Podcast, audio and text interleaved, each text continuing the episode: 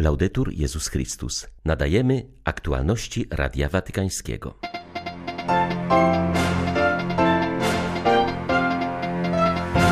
We współczesnym świecie odradza się zarówno antysemityzm, jak i przemoc wobec chrześcijan. To niepokojące zjawisko, powiedział papież na audiencji dla organizacji promującej dialog chrześcijańsko-żydowski.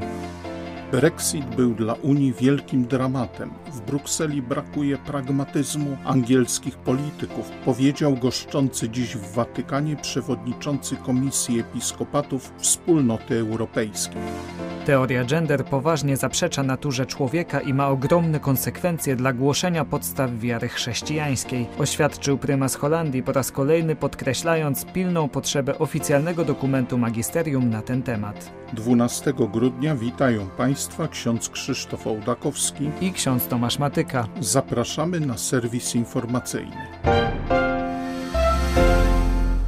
Dziękuję za Waszą pracę, która bardzo pomogła Żydom i chrześcijanom odkryć się na nowo jako bracia, dzieci tego samego Ojca, które oczekują dnia, kiedy wszystkie ludy będą wzywać Pana jednym głosem i wspólnie Mu służyć, powiedział papież do członków francuskiej organizacji Przyjaźń Żydowsko-Chrześcijańska, Stowarzyszenie to obchodzi 75-lecie istnienia. Franciszek zwrócił uwagę, że jest ono aktywnie zaangażowane w studia i dialog, aby pomóc Żydom i chrześcijanom wzrastać we wzajemnym poznaniu, zrozumieniu, szacunku i przyjaźni. Droga, którą razem przebyliśmy, jest zatem znacząca. Powinniśmy za to dziękować Bogu, biorąc pod uwagę ciężar wzajemnych uprzedzeń i niekiedy bolesną historię, którą trzeba wziąć na siebie. Ale zadanie nie jest skończone i zachęcam Zachęcam Was do wytrwania na tej drodze dialogu, braterstwa i wspólnych inicjatyw, bo te piękne dzieło polegające na tworzeniu więzi jest delikatne. Zawsze trzeba je wznawiać i umacniać, zwłaszcza w tych niesprzyjających czasach, w których coraz liczniejsze są postawy zamknięcia i odrzucenia drugiego, nie tylko przy niepokojącym odradzaniu się antysemityzmu, zwłaszcza w Europie, a także przemocy wobec chrześcijan. Zastanawiające jest to zjawisko. Zapewniam zatem o moim poparciu dla Waszych inicjatyw, jak również tych wszystkich, poprzez które Żydzi i chrześcijanie dążą do coraz większego braterstwa. Nie tylko osoby dotknięte fizycznymi niedomaganiami, ale również my wszyscy potrzebujemy pomocy innych, aby iść do przodu w swoim życiu, ponieważ wszyscy jesteśmy słabi w sercu, zaznaczył dziś Franciszek. Ojciec Święty mówił o tym, przyjmując Radę Narodową Włoskiej Unii Niewidomych i Niedowidzących. Papież zachęcał te organizacje do kontynuowania wysiłków ukazujących, że tworzenie bardziej inkluzywnego społeczeństwa zawsze jest możliwe. Chciałbym się Wam zwierzyć, w jaki sposób patrzę na Was, na Wasze stowarzyszenie. Postrzegam Was jako konstruktywną siłę w społeczeństwie. Ta perspektywa może wyglądać na dziwną, ponieważ zazwyczaj niepełnosprawność jest wiązana z ideą potrzebowania innych, ich wsparcia, czasami, dzięki Bogu coraz rzadziej, z pewnym politowaniem. Nie, papież tak na was nie patrzy, Kościół tak na was nie patrzy. Punkt widzenia chrześcijan na kwestię niepełnosprawności to już nie jest, a także nie może być litość oraz samo wsparcie socjalne, ale świadomość, że kruchość przyjęta z odpowiedzialnością i solidarnością stanowi zasób dla całego społeczeństwa czy wspólnoty kościelnej. Dobrze uformowane w zasadach politycznych oraz świadomości obywatelskiej osoby niewidome czy niedowidzące stoją na pierwszej linii w tworzeniu inkluzywnych społeczności, gdzie każdy mógłby uczestniczyć bez wstydu z powodu własnych ograniczeń czy słabości, współpracując z innymi, aby się uzupełniać, a także wzajemnie wspierać. Trzeba prowadzić z Rosją długi dialog, uważa kardynał Jean-Claude Hollerich. Dziś rano został on przyjęty przez papieża wraz z innymi członkami prezydium Komisji Episkopatów Wspólnoty Europejskiej Komese. W centrum rozmowy była właśnie wojna w Europie, bo jak zauważył kardynał Hollerich, Bez pokoju na starym kontynencie Unia Europejska nie może prosperować. W marcu kardynał Hollerich zakończy swoją posługę jako przewodniczący Komese, by zająć się innymi ważnymi zadaniami. Z nominacji papieża jest on relatorem procesu synodalnego. Podsumowując swój pięcioletni mandat, arcybiskup Luksemburga przyznaje, że w tym czasie wielkim dramatem był dla Unii Brexit. Wyraża przy tym nadzieję, że trudności, których doświadcza obecnie Wielka Brytania, będą przestrogą dla innych krajów, które chciałyby odłączyć się od Brukseli. I was sad when we had Brexit. Brexit bardzo mnie zasmucił, choć oczywiście rozumiem, że trzeba było uszanować wolę obywateli Zjednoczonego Królestwa. Ale było to smutne, ponieważ do tej pory zawsze mieliśmy do czynienia z krajami, które zabiegały o członkowstwo w Unii Europejskiej a teraz jeden wielki kraj postanowił wyjść z Unii. I trzeba przyznać, że brakuje nam Zjednoczonego Królestwa, swoistego pragmatyzmu brytyjskich polityków, którzy bardzo się przysłużyli dla Europy. Natomiast jako Komece cieszymy się, że przedstawiciele episkopatów Anglii, Walii oraz Szkocji nadal uczestniczą w naszych posiedzeniach jako zaproszeni goście. Nadal jesteśmy braćmi.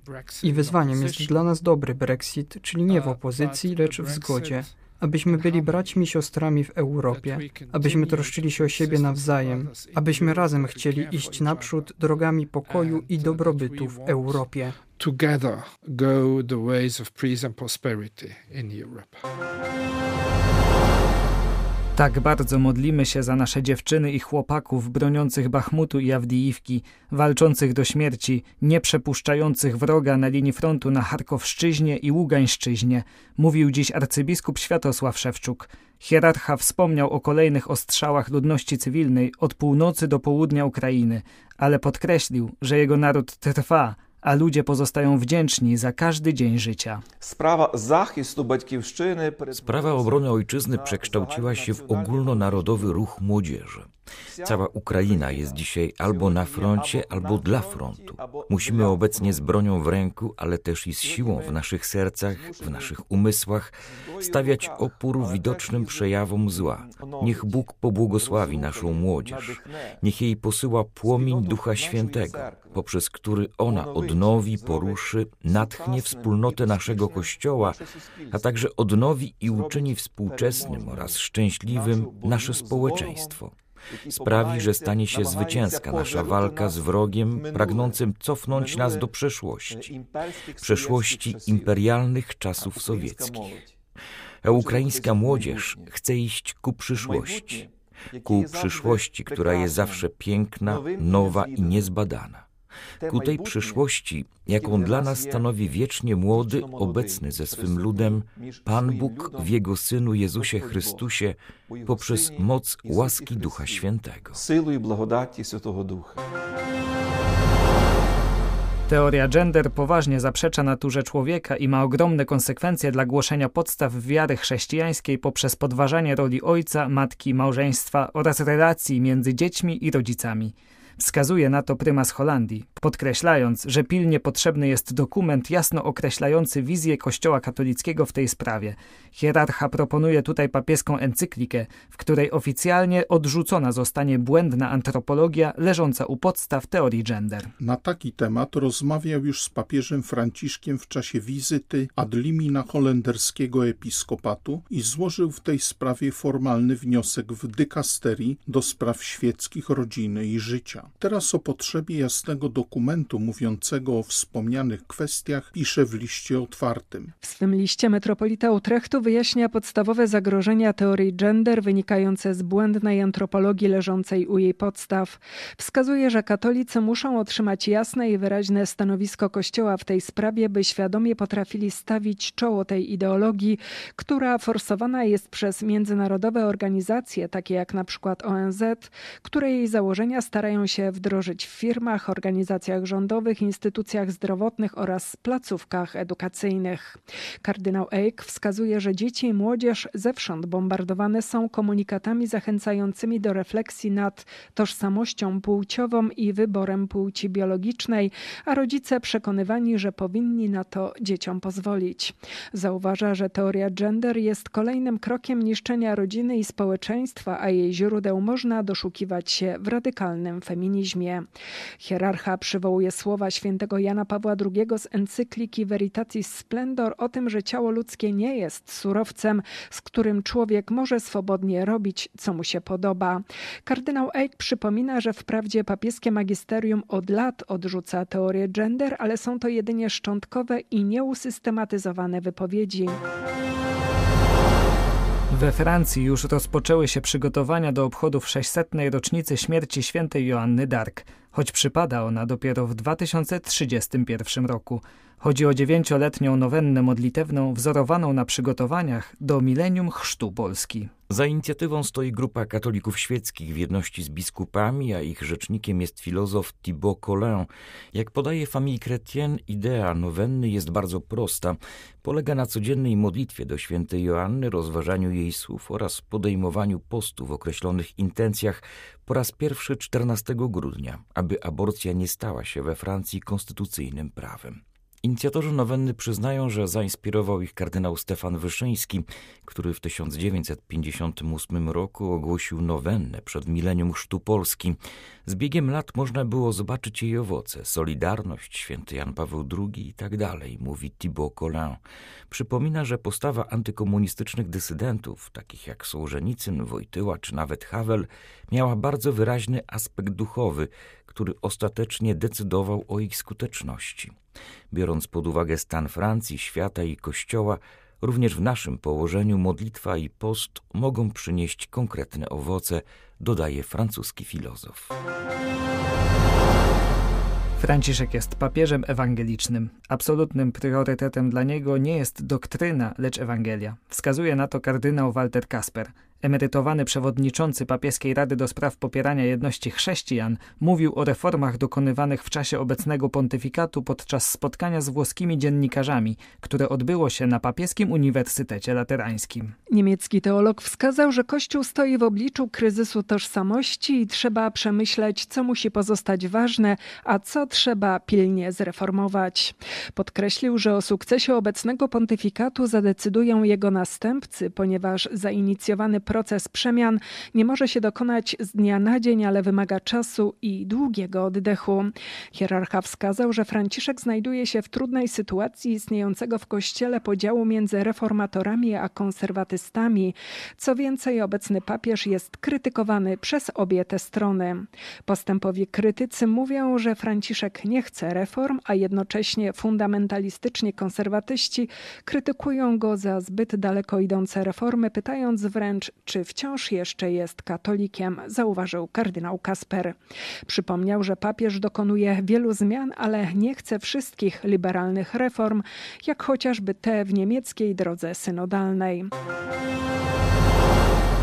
Grupie archeologów z Papieskiego Instytutu Archeologii Chrześcijańskiej udało się precyzyjnie określić czas powstania dwóch starożytnych kościołów na terenie dzisiejszej Erytrei. Jest to ważny krok w kierunku zrozumienia procesu rozprzestrzeniania się chrześcijaństwa poza granicami Cesarstwa Rzymskiego. Pierwsza ze wspomnianych świątyń to duża katedra posiadająca oddzielne baptysterium. Druga położona nieopodal wyróżnia się rzędem kolumn, co wskazuje, że posiadała kopułę, stanowiąc swego rodzaju unikat na tym terenie. Oba kościoły wybudowano w ważnym mieście portowym królestwa Aksum, lokalnej potęgi rozciągającej się od Etiopii aż po Arabię. Tamtejszy władca w IV wieku naszej ery przyjął chrześcijańską wiarę. Dotychczas znano pozostałości kościołów będących następstwem przyjęcia tej religii, nie posiadano jednak wystarczających danych, by określić dokładne daty ich powstania. Dzięki nowym metodom oszacowano powstanie katedry na okres między rokiem 400 a 535 po Chrystusie. Świadczy to o szybkim rozprzestrzenianiu się chrześcijaństwa w królestwie Aksum. Były to aktualności Radia Watykańskiego. Laudetur Jezus Chrystus.